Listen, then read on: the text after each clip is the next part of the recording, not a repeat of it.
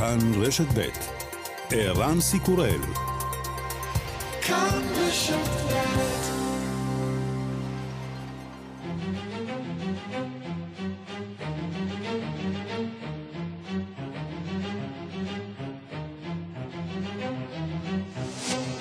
השעה הבינלאומית 14 בדצמבר 2021 והיום בעולם. שר החוץ של ארצות הברית אנטוני בלינקן אומר כי ארצות הברית איננה מזהה נכונות איראנית כלשהי להגיע להסכם גרעין.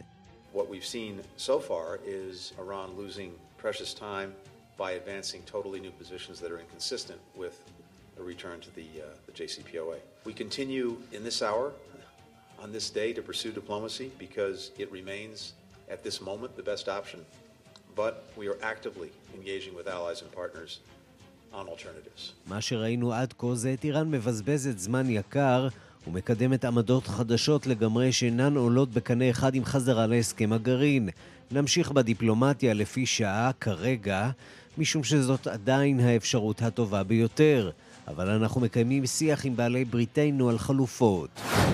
נמשכות משימות החילוץ בקנטקי, המושל אנדי בשיר אומר כי מניין ההרוגים בסופות הטורנדו שפקדו את המדינה רק הולך ועולה. We are now up to 74 uh, Kentuckians that we have lost. Uh, we expect that this death toll will continue to grow. 109 Kentuckians now unaccounted for, but as I look at this broken down by county, it's way more. 74 תושבי קנטקי קיפחו את חייהם, אנחנו מצפים שהמספר עוד יעלה. 109 תושבים עדיין מוגדרים נעדרים, וכשאני מסתכל על הרשימות, כנראה שמדובר בהרבה יותר. כחודש לאחר הופעתו, אומיקרון רושם מקרה תמותה ראשון. ראש ממשלת בריטניה בוריס ג'ונסון נערך לגל שישטוף את לונדון. We can see Omicron spiking now in, in London and some other parts of the country. It, it, here in the capital, it probably represents about 40% of the cases. By tomorrow, be the majority of the cases, and it's increasing the whole time. And uh, sadly, yes, uh, Omicron is producing hospitalizations, and uh, sadly, at least one patient has now uh, been confirmed to have died uh, with. אנו רואים כיצד האומיקרון מטפס בלונדון ובאזורים אחרים במדינה. כאן בבירה מדובר ב-40% מהמקרים. עד מחר רוב החולים יהיו כאלה שנגועים באומיקרון, וזה עולה כל הזמן. למרבה הצער, כן, אומיקרון מייצר אשפוזים בבתי החולים, ולמרבה הצער חולה אחד מת מאומיקרון. народни представители, 134 за, 104 против. Предложението е прието. בבולגריה הושבעה אתמול ממשלה חדשה אחרי עשר שנות כהונה של ראש הממשלה בויקו בוריסוב, ואחריהן שלוש מערכות בחירות בשנה אחת, שבהן לא הצליחו הבולגרים להשיג הכרעה. בבחירות האחרונות ניצחה מפלגת המרכז בראשותו של קיריל פטקוב. אתמול הוא התחייב לשנות את בולגריה מהיסוד. И мотото на нашето правителство ще бъде наистина, повярвайте ми, нулева толерантност към корупцията. нулева толерантност המוטו של הממשלה שלנו הוא אפס סובלנות לשחיתות, אפס סובלנות לבזבוז המטבע שלנו באופן לא חוקי, ללא שקיפות, ובאופן שאינו עולה בקנה אחד עם שיפור חייהם של האזרחים. משימה נעלה ללא ספק, מה הסיכוי לבצע אותה, עדיין מוקדם לדעת. וגם... Hablando de mujeres y traiciones, se fueron consumiendo las botellas. מקסיקו מתאבלת על לכתו של הזמר ויסנטה פרננדז, שנפטר בסוף השבוע והוא בן 81, פרננדז זכה בשלושה פרסי גרמי ובתשעה פרסי גרמי לטיני. נשיא ארצות הברית ג'ו ביידן צייץ בחשבון הטוויטר שלו, עולם המוסיקה איבד סמל.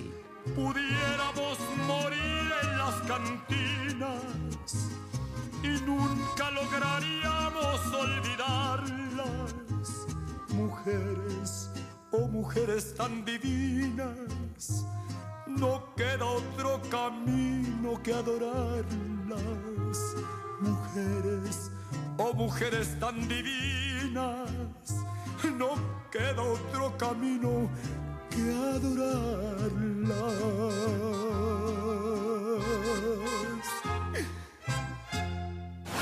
השעה הבינלאומית שעורך זאב שניידר, מפיק אביגל בשור, בביצוע הטכני אמיר שמואלי, אני ערן סיקורל, אנחנו מתחילים.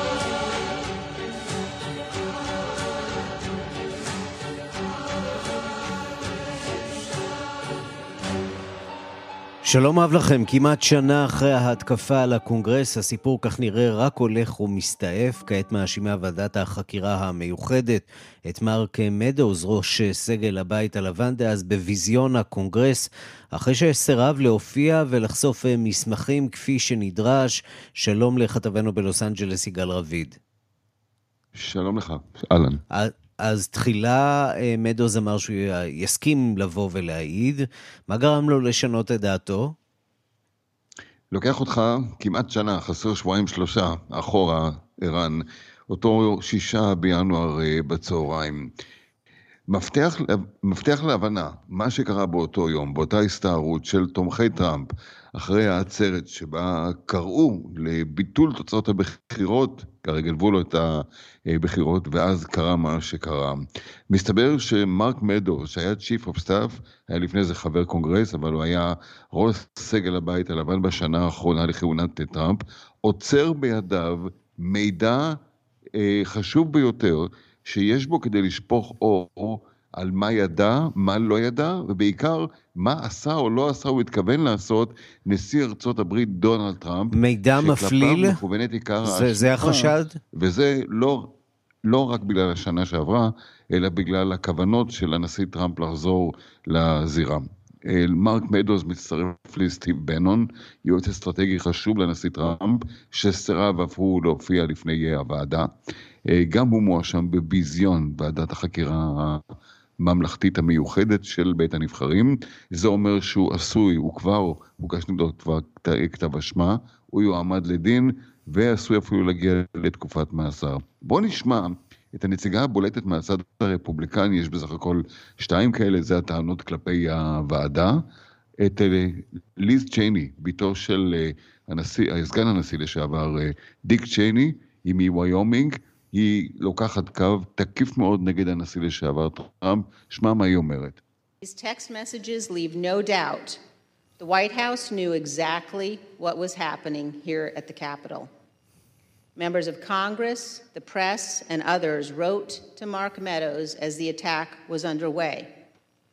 One text Mr. Meadows received said, quote, We are under siege here at the Capitol.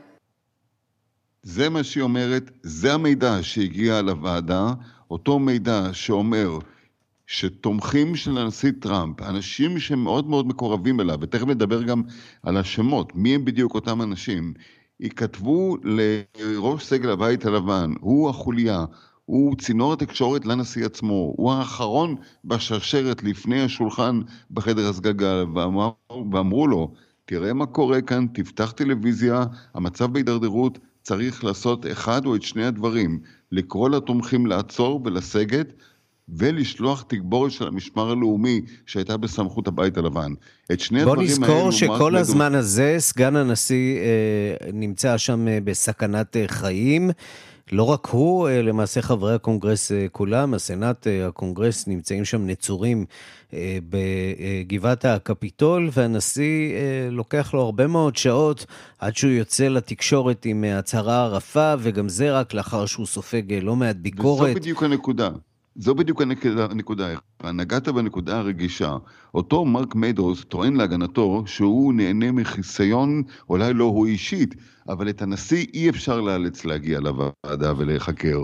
היו ועדות כאלו בעבר, נשיא אחד שבסוף הקונגרס, המליאה, הצביע כן להכריח אותו, היה ניקסון. הוא בחר להתפטר כי הוא הבין שזה הסוף של הכהונה שלו בעקבות פרשת ווטרגייט. מרק מדוז אומר, עליי חל החיסיון בגלל שאני מחזיק מידע נשיאותי, אבל הסיפור הזה לא עובד טוב לטובת הנשיא, למרות, למרות שצריך לומר, הוועדה הזאת היא ועדה דמוקרטית, שבעה מתוך התשעה הם דמוקרטים, צריך להגיד את האמת, היא לא לגמרי מאוזנת, והדברים שיוצאים ממנה הם אותם פריטי מידע שבאים אנשים ושואלים, רגע, אם יש לכם את המידע, למה אתם צריכים אותו? מאיפה ליז צ'יין יודעת את כל הדברים האלו? מאיפה ראשי הוועדה? מאיפה אדם שיף? מאיפה ננסי פלוסי, יושבת ראש בית הנבחרים הדמוקרטית? מניין לה כל הדברים הללו? ומסתבר שבין אל... אותן הודעות אל מרק מדוס באותן שעות היו דונלד טראמפ ג'וניור, בנו של הנשיא, מידע מאוד מפתיע ומעניין, מידע שאמור להיות במכשירי הטלפון ובמחשבים של מדוז עצמו, וגם שניים מהשדרים הבולטים של רשת פוקס, שון הניטי ולורה אינגרם, מה שמצית את המהומה בין הרשתות הגדולות עוד יותר ביממה הזאת, ערן. כן, ואם אה, הזכרת רשתות אה, גדולות, אה, אנחנו מדברים גם על הקרב הפוליטי, על התודעה שמתחדד בין שתי הרשתות הגדולות משמאל ומימין, ועכשיו הוא מגיע לשיא חדש אחרי העריקה בסוף השבוע של כריס וואלאס מפוקס ניוז ל-CNN. הרבה מאוד התניידות יש בימים האחרונים בין הרשתות השונות. אה, התניידות או התעופפות. אה, אה, סדרת אירועים שהחלה בפרישה של בריאן וויליאמס עוד מ-MSNBC בגלל ההידרדרות של הרייטינג, הניסיון לקושש נקודות רייטינג בכל מחיר אחרי שנת הקורונה, אחרי היעלמותו של טראמפ, הציבור פחות רואה חדשות, כל הרשתות נפגעות.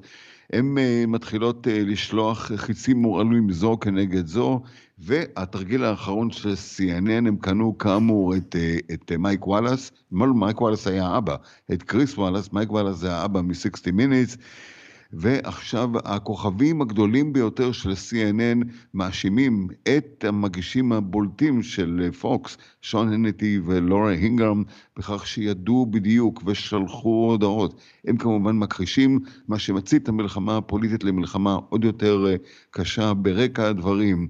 טענות קשות מאוד על התנהלות, דווקא רשת אה, CNN, העורך דין רב ההשפעה, אלן דרשוויץ, דורש אה, מחברת וורנר מידיה, השולטת ב-CNN, לפטר את נשיא הרשת, היהודי אה, ג'ף צוקר, מאחר שהוא גיבה שורה של שדרנים שלו שחשודים בעבירות פליליות. נזכיר רק את פרשות קוומו. קוומו, את קריס קוומו, וגם את דון למון שגיבה שחקן שלו שהתחזה למי שעבר אה, תקיפה. אה, שמח. 300 עדים, 30 אלף רישומים, סיפור שישה בינואר רחוק מלהתרחק, רחוק מלהיעלם, ערן. אגב, אה, סיפור העימות בין הרשתות עובר עכשיו לאט לאט מהטלוויזיה לרשת. קריס וואלאס ישתתף בעצם ברשת הבת של CNN, CNN פלוס. שלמעשה אה, בכלל לא עוברת אה, דרך הכבלים, אלא תשודר אה, דרך הסטרימינג. יש כבר כמה וכמה ערוצים כאלה של הרשתות הגדולות, ABC News, CBS N, רשתות שלמעשה משודרות דרך הסטרימינג, בכלל לא עוברות דרך הטלוויזיה.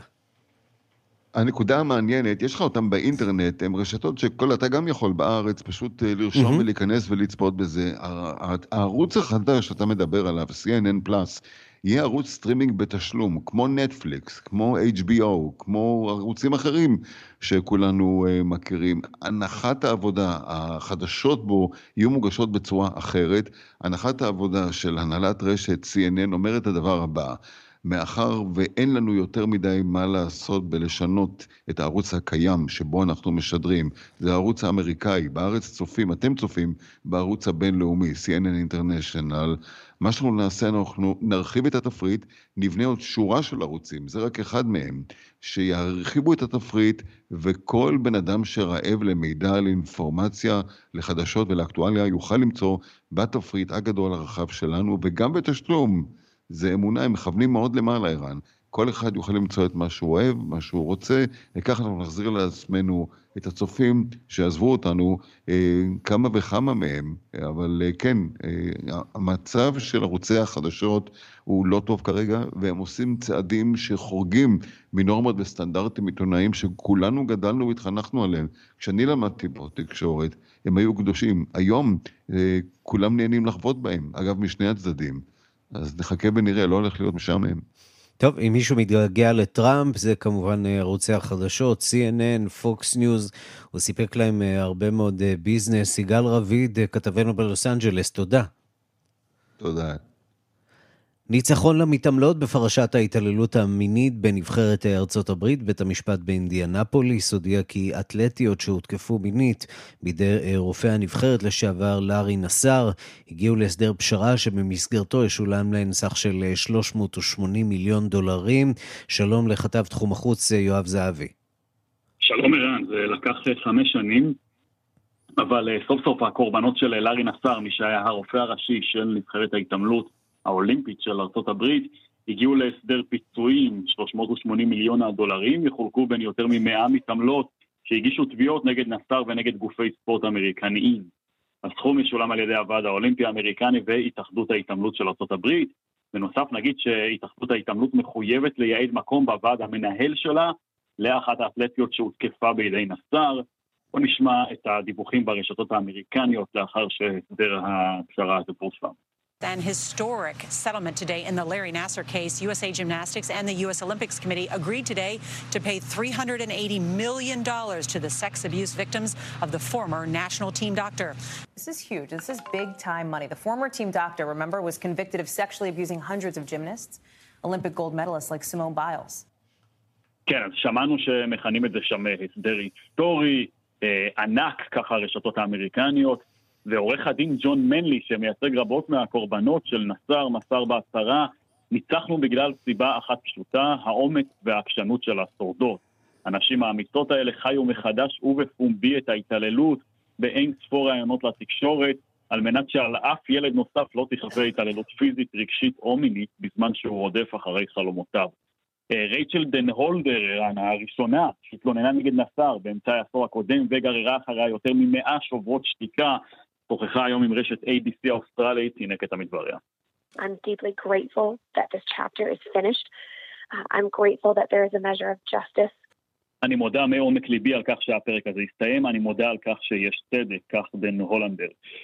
נסר נגיד נכלא בשנת 2017 לעד 175 שנים לאחר שהורשע באונס והתעללות מינית במתעמלות הנבחרת האולימפית של ארצות הברית במהלך 18 השנים שבהן שימש הרופא הראשי של הנבחרת. בנוסף נגזרו עליו 60 שנות מאסר בעוון החזקת פורנוגרפיית ילדים. בין המתעמלות המוכרות שחוו פגיעה מצידו של נסר, האלופה האולימפית ואלופת העולם, רימון ביילס, והאלופה האולימפית ואלופת העולם בתחרות הקבוצתית, עלי רייזמן. המתעמלות האשימו לא רק את נסר, אלא את המערכת כולה שאפשרה לדבריהן את ההתעללות הממושכת. שרה הירשלנד היא מנכ"לית הוועד האולימפי האמריקני, צייצה בטוויטר, אנחנו מכירים. אנחנו מכירים בכך שהיה לנו תפקיד בכישלון להגן על האתלטיות האלה, ואנו מתנצלים על הפגיעה העמוקה שחוו. כמובן ערן שזו נחמה פורטה, אם בכלל, כי את הנזק הנפשי לא ניתן לתקן, אך אולי ההסדר הזה ימנע הישנות של מקרים דומים בספורט האמריקני בעתיד. יואב זהבי, כתב החדשות החוץ, תודה. תודה.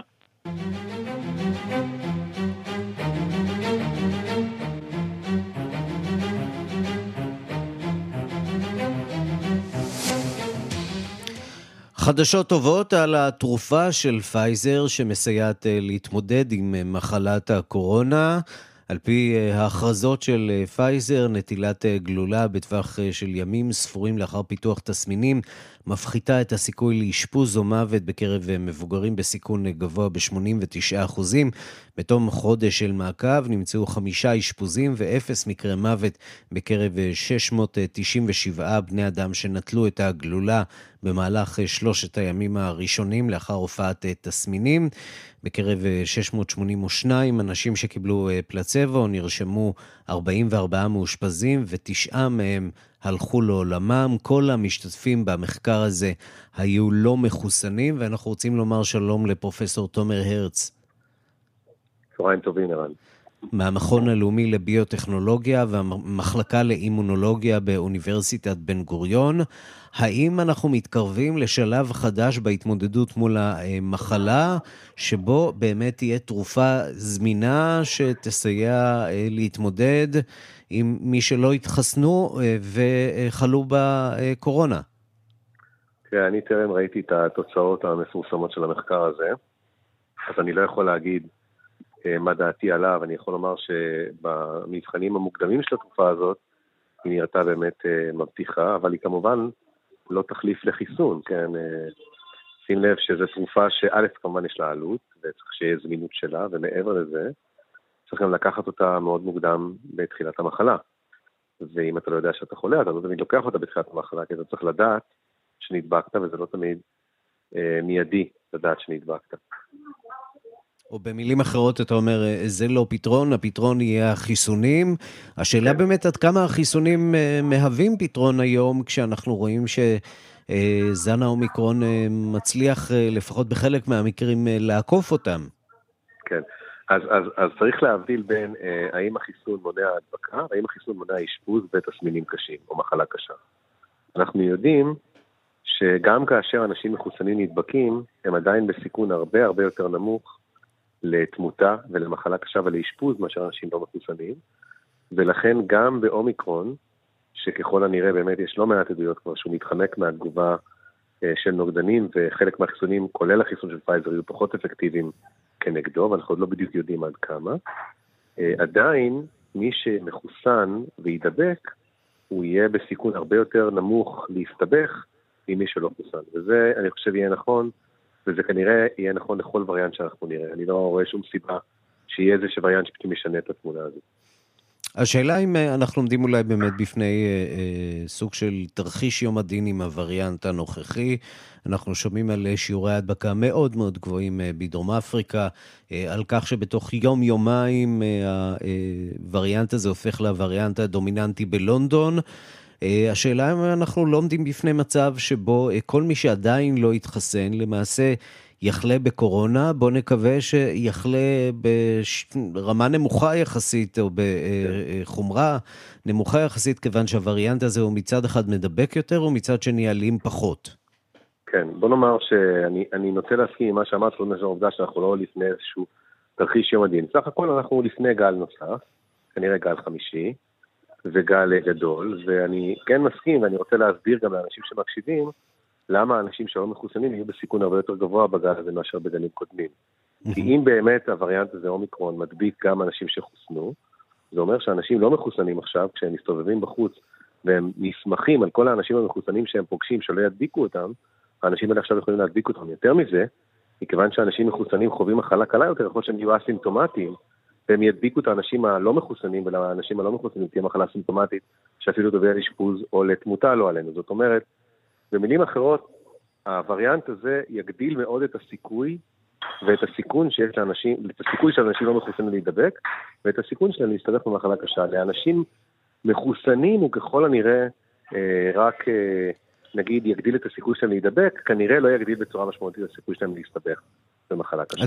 אתה יודע, יש תזה שאומרת שעד סוף החורף הנוכחי יהיו שלושה סוגים של אנשים, אנשים אה, שהחלימו מקורונה, אנשים שהתחסנו, ולמרבה הצער, אה, אנשים מתים, או במילים אחרות, אה, הקורונה תסיים את העבודה שלה בחודשים הקרובים, ואולי...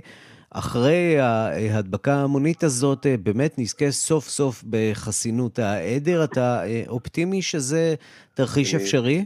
אני הייתי שמח לחתום על התרחיש הזה, רק שאין לו שום קשר למציאות. אה, שים mm. לב שבדרום אפריקה, 70% מהתושבים של החבל ארץ שם, חוטנג, שבו הנגיף התגלה, כבר היו אה, אה, מחלימים, והם נדבקו שוב. זאת אומרת, mm-hmm. אה, אין, אין לנו שום אינדיקציה לזה שזה שהחלמת מקורונה אה, מונע ממך להידבק. אז זה לא שאם עכשיו כולם ידבקו, אז אה, לא תהיה יותר מחלה. תהיה מחלה, אולי תהיה מחלה קלה יותר, אולי התסמינים יהיו קלים יותר, קשה לדעת, גם קשה לדעת מה יהיה הווריאנט הבא. אבל אנחנו, מה שאנחנו כן יודעים בוודאות, ערן, זה שהחיסון מציל חיי אדם. אם לא היה לנו חיסונים, אז כל השיחה הזאת הייתה אה, מתנהלת אחרת, והנתונים שהיו עומדים בפניך ובפניי כרגע היו נתונים הרבה יותר קודרים. ובהקשר הזה, אני, אני רוצה לנצל את ההזדמנות ולהגיד לכל ההורים שמקשיבים, שמתלבטים לחסן את הילדים שלהם, שעכשיו, וכמה שיותר מהר כדאי לחסן את הילדים לפני שהגל באמת יגיע לשיא שלו, כי אנחנו כבר יודעים היום שבדלתא בערך 50% מההדבקות בישראל זה ילדים צעירים, ובגל הבא זה כנראה יהיה אפילו יותר, ואנחנו כן יודעים, חד משמעית לצערי, שיש ילדים שנדבקים בקורונה ומסתבכים, הם אמנם אחוז מאוד קטן מהילדים, אבל עדיין, זה עדיין קורה ואין סיבה שזה יקרה. כל ילד מחוסן זה ילד שהסיכוי שלו להסתבך פוחת בצורה משמעותית בהשוואה לילדים שאינם מחוסנים. טוב, אני יכול לספר לך שאני אה, צפוי בשעות אחר הצהריים לחסן את שני הילדים הקטנים שלי בחיסון שני. ואנחנו uh, כבר uh, מקווים שנגיע לרגע שבו uh, באמת גם נרגיש קצת יותר חופשיים, מודאגים קצת פחות מהאפשרות של הדבקה של ההורים שלנו. זה בהחלט חשוב. בוא נעבור מכאן באמת לשפעת, שגם היא נמצאת כאן. וסובבת אותנו. בשנה שעברה השפעת לא הייתה מאוד דומיננטית. לא הייתה בכלל. החורף הזה... האמת, לא הייתה תחלואת שפעת כמעט בכלל בעולם, ובישראל בפרט. החורף הזה נראה קצת אחרת, נכון? לחלוטין. בישראל, נכון לפני שבוע, היו כבר 240 אנשים מאושפזים עם שפעת מאובחנת אה, בישראל, שזה מספר יחסית גבוה לתקופה הזאת בשנה. Mm-hmm. וגם במקומות אחרים בעולם כבר יש אה, תיעודים על התפרצויות של מגפות של שפעת, מגפות מקומיות. וזה מאוד סביר להניח שבחורף הקרוב אנחנו נראה גם אנשים מאושפזים עם שפעת וגם אנשים מאושפזים עם קורונה. ומה שזה אומר, שמבחינת העומס במערכת הבריאות, עשוי להיות עומס גדול יותר מאשר היה שנה שעברה, כי שנה שעברה באמת לא, היה, לא הייתה שפעת. האם אנחנו ערוכים אה, טוב יותר, מערכת הבריאות ערוכה טוב יותר להתמודד עם הגלים אה, האלה? שוב, יש לנו להציע חיסונים. אנחנו במקרה דווקא יודעים כבר מהנתונים הראשונים שהחיסון השנה די מותאם לזן שמסתובב כרגע בישראל, וזה אומר שמי שיתחסן לחיסון שפעת, ככל הנראה יהיה מוגן יחסית טוב מהזן שמסתובב אה, בעולם ובישראל כרגע. אני התחסנתי לשפעת ואני ממליץ גם כן לכל מי שמאזין כבר התחסן לקורונה, אה, לרוץ ולקבל חיסון שפעת, כי זה גם מחלה שיכולה לאשפז ולגרום אה, אה, נזק לבני אדם. אני כל שנה מזכיר את זה ואני אומר, אנשים לא יודעים, אבל יש מחקרים, ומחקרים גדולים שכבר מראים שבאנשים מבוגרים, בגיל 18 עד 65, בשבוע, בשבעה ימים שלאחרי ההדבקה בנגיף השפעת העונתי, הסיכוי להתקף לב עולה פי שישה. Okay, אוקיי? זה נתון די מדהים. אה, מכיוון שאני מניח שרוב האנשים שמאזינים אה, רוצים אה, להאריך חיים ולחיות חיים טובים, ומכיוון שהחיסון הוא דבר בטוח ומוכח, אני ממליץ בחום לאנשים גם לחסן את עצמם כנגד שפעת השנה.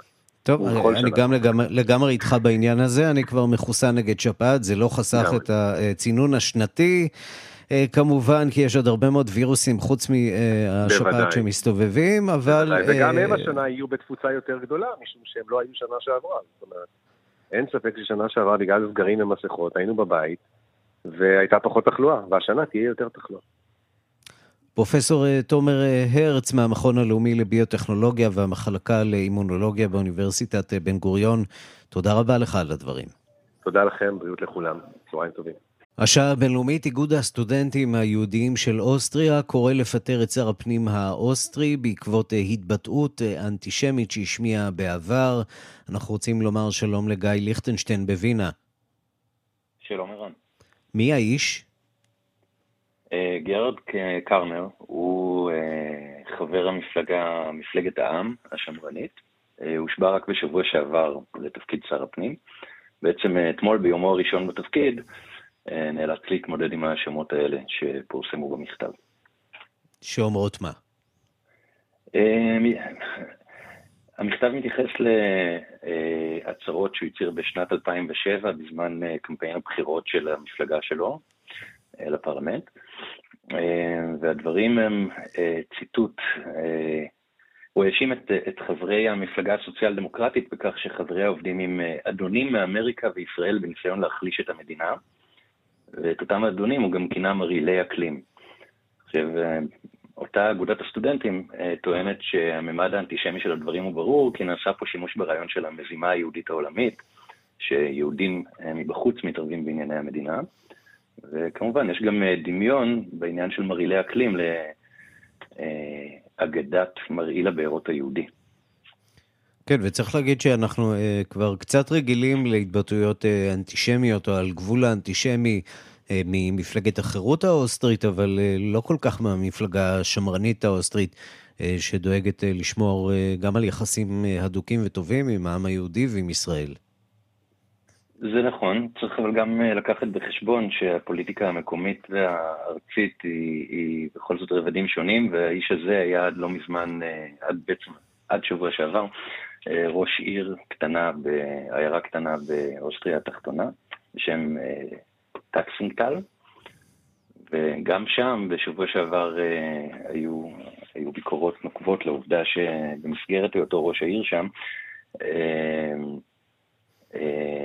בעצם בעיר הזו יש מוזיאון לזכרו של אנגלברט דולפוס, שהיה קאנצלר אוסטריה בתקופת האוסטרופשיסמוס.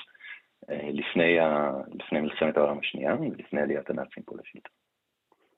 בעצם בוא נזכיר למאזינים שלנו, אנחנו מדברים על האיש שהנאצים הדיחו, אבל היה בעצמו רודן לא קטן, למעשה רודן פשיסט כמעט מבית היוצר של מוסוליני. כן, אידיאולוגיות חופפות באותה תקופה. עכשיו, על המכתב הזה גם uh, חתומים uh, פוליטיקאים, מדענים ואנשי רוח, וביניהם גם uh, זוכת פרס נובל לשלום, סליחה, שלום, לספרות, אלפרידי ילינק. Mm-hmm. קרנר הגיב לטענות ואמר בתגובה די אנמית שמצידו הוא מצר על התבטאויותיו, והיום לא היה חוזר עליהן. זה הוביל לתגובה של ראש הקהילה היהודית, אוסקר דויטש, שביקש הבהרות. מאוחר יותר אחר הצהריים, אתמול יצא קרנר בהצהרה נוספת והסביר כי דבריו הובנו לא נכונה, והוא הדגיש כי הוא דוחה בכל תוקף ובנחישות כל נגיעה רחוקה ביותר של רעיונות אנטישמיים. את ההתנצלות הזאת אה, דויטש קיבל, אבל יוזמי המכתב אה, עדיין עומדים בדרישתם להתפטרותו. ובעוד שאנחנו מדברים על אה, אנטישמיות במפלגת השלטון, נראה שיש גורמים קיצוניים באוסטריה שבהחלט אה, אה, מפיקים לא מעט תועלת אה, מהאימוץ סביב סוגיית הקורונה והחיסונים. ראינו רק בתחילת השבוע, בסוף השבוע שעבר, הפגנה גדולה של מתנגדי חיסונים ברחובות אוסטריה, בעיקר מחאה על הכוונה לכפות חיסונים על כלל האזרחים. ומי שעומדת בראש המחאות היא כמובן מפלגת החירות, שגוזרת קופון לא קטן. כן, כך הדבר. הרטוריקה הזו היא לא חדשה לנו, אבל uh, מה שכן, עכשיו, בעקבות uh, ההתנגדות לצעדים כנגד הקורונה, uh, אתה רואה איזושהי התמרכזות מסביב לסוגיה הזו, גם של גורמים בשמאל. מה שמוביל לכמויות אנשים מאוד מאוד גדולות שלא בוחלות בדבר של לעמוד בהלדנפלץ. בעצם אותה כיכר שיש לה משמעות כשלעצמה, שהיטלר אחרי האנשלוס נאם בה מול 80 אלף mm-hmm. אוסטרים. אה, אז לראות שם את הרברט קיקל, מנהיגה החדש של המפלגה הזו, אה, מדבר עם הרטוריקה שלו, ושוב, דיברנו לא אחת על עניין ההתקרבנות, ואנחנו היהודים החדשים, אז אה, כן, אלו קולות מטרידים מאוד. גיא ליכטנשטיין בווינה, תודה רבה לך. תודה, ערן. שרי החוץ של האיחוד האירופי הסכימו אתמול על הטלת עיצומים חדשים על רוסיה אם תתקוף את אוקראינה. המהלך בא לאחר הצהרה דומה מצד נאט"ו וה-G7, דיווחה של כתבת חדשות החוץ נטליה קנבסקי. האיחוד האירופי עומד מאוחד בתמיכתו בריבונות אוקראינה והשלימות הטריטוריאלית שלה, טען במסיבת העיתונאים אתמול בבריסל שר החוץ של האיחוד האירופי, ז'וזפ בורל.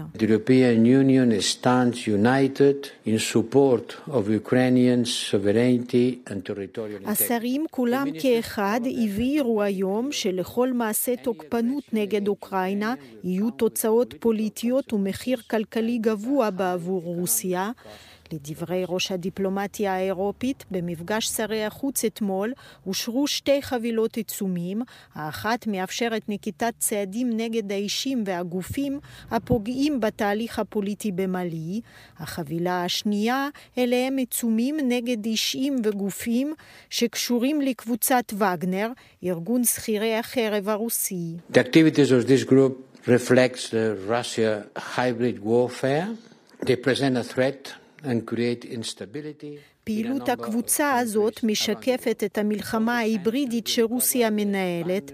הארגון הזה מאיים על היציבות בכמה מדינות העולם, לכן העיצומים נוגעים לקבוצת וגנר עצמה, לשלוש חברות שיש להן קשרים איתה, וגם לשמונה אנשים האחראים להפרות זכויות אדם או לפעילות עוינת באוקראינה, סוריה, לוב, ברפובליקה המרכז אפריקנית, בסודאן ובמוזמביק, הכריז ז'וזפ בורל. הוא הוסיף שהאיחוד האירופי לומד כעת עם השותפים האמריקניים והבריטים מה תהיה מהות העיצומים שאושרו ומתי הם ייכנסו לתוקף. מוסקבה טענה בעבר שאין בכוונתה לתקוף את אוקראינה והאשימה את קייב בפריסת מחצית מצבאה באזורים הבדלניים במזרח המדינה.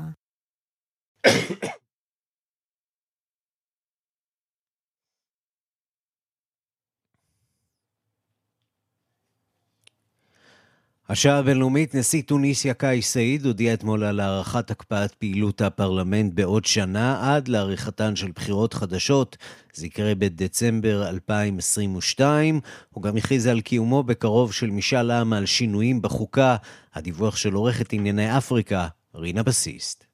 בחודש יולי האחרון החליט הנשיא של טוניסיה קאיס סעיד להשעות את הפרלמנט לתקופה קצובה של חודש. אחר כך הוא האריך את השעיית הפרלמנט עד דצמבר, ואתמול, בנאום טלוויזיוני לאומה, החליט סעיד שהפרלמנט ימשיך בהשעייתו עוד שנה שלמה.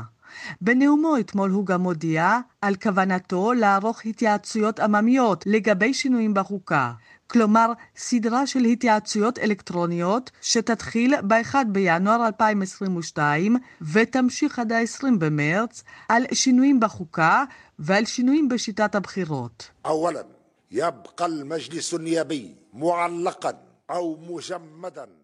קודם כל, הפרלמנט ימשיך להיות מושעה או מוקפא עד לתאריך שבו יאורגנו בחירות חדשות. דבר שני, החל מתחילת חודש ינואר יאורגנו התייעצויות עממיות. כבר התחלנו בהכנות לפלטפורמות האלקטרוניות הנדרשות, וכבר התחלנו בזיהוי השאלות שישאלו, כך הכריז הנשיא התוניסאי.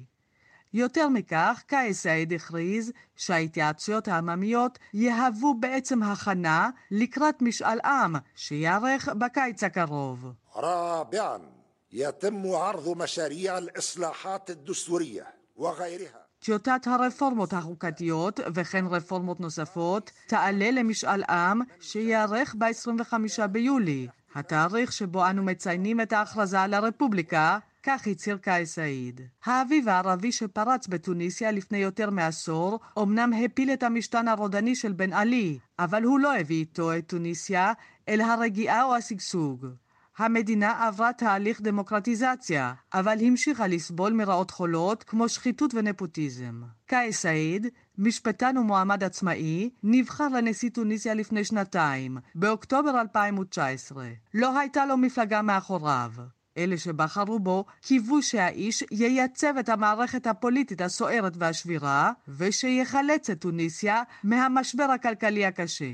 ההתמודדות שלו עם פרלמנט שלא ממש תמך בו, עם המפלגה האסלאמית שזכתה לרוב בפרלמנט, הייתה מסובכת. גם ההתנהלות הכושלת של הממשלה מול משבר הקורונה הרגיזה מאוד את האזרחים. טוניסאים יצאו שוב לרחובות כדי למחות על היעדר קמפיין חיסוני מסודר. הם גם מחו שוב ושוב נגד השחיתות השלטונית. כפי שהזכרנו על רקע המצב הזה, החליט קאי סעיד בחודש יולי להשעות את הפרלמנט. צעד שנתפס בעיני רבים מהדור הצעיר כפגיעה חמורה בדמוקרטיה של טוניסיה. ההחלטה שלו אתמול להמשיך את ההשעיה מעוררת ביקורת רבה, גם אצלו במדינה וגם בקרב הקהילה הבינלאומית. עם זאת, באירופה ובארצות הברית נזהרים שלא לערער יתר על המידה את מעמדו של קאיס סעיד. העובדה שהוא הכריז על לוח זמנים מסודר למשאל עם חוקתי ולבחירות מעוררת תקווה שטוניסיה תוכל לשמור בכל זאת על המודל הדמוקרטי שלה. עם זאת, שנה שלמה לארגון בחירות זה זמן ארוך מאוד, במיוחד עבור אומה שסבלה כל כך עד שהצליחה להפיל את הרודן שלה. כאן רינה בסיסט.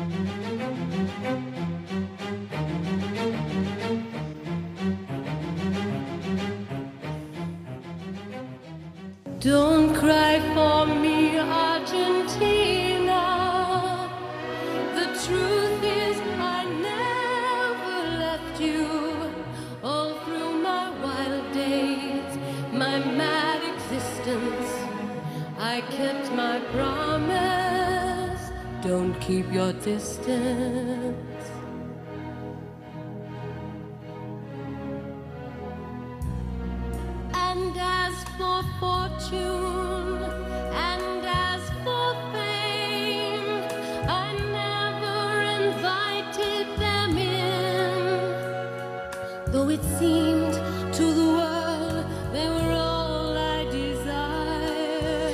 כן, וזוהי מדונה עם אל נא תבכי ארגנטינה מתוך המחזמר הנודע של אנדרו לויד וובר, שמספר את סיפורה של אביטה.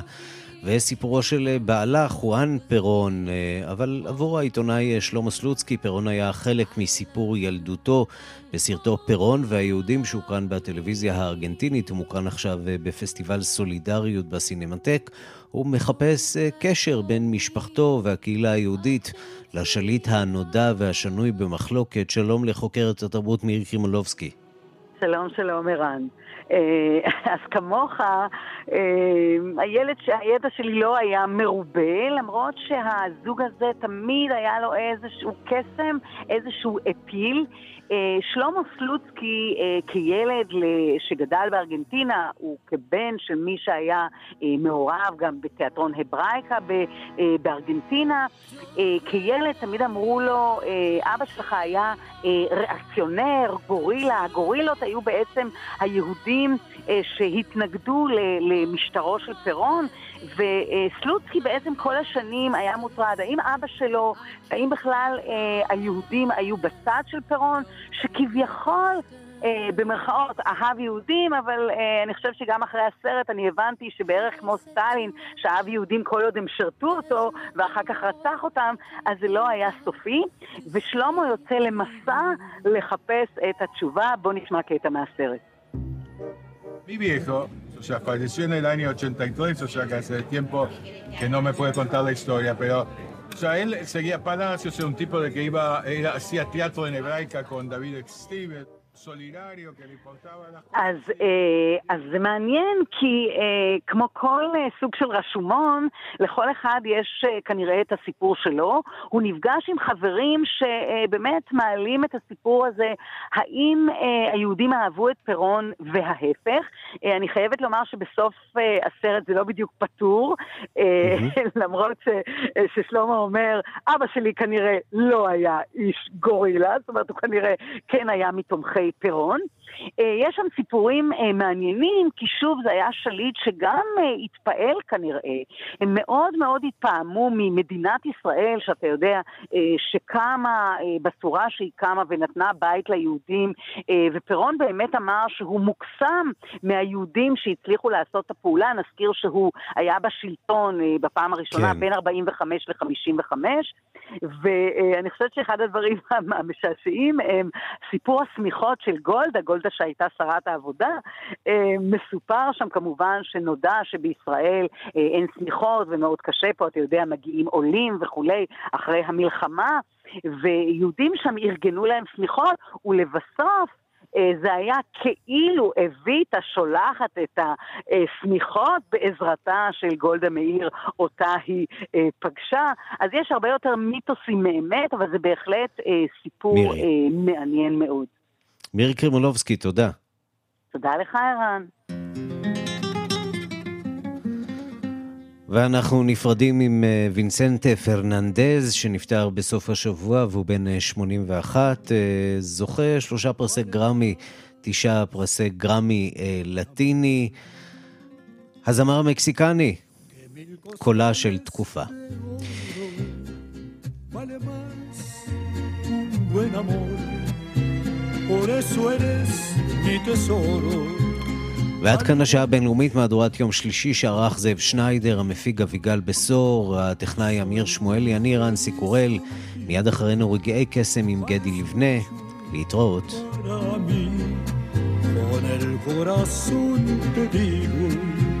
Olvidemos el pasado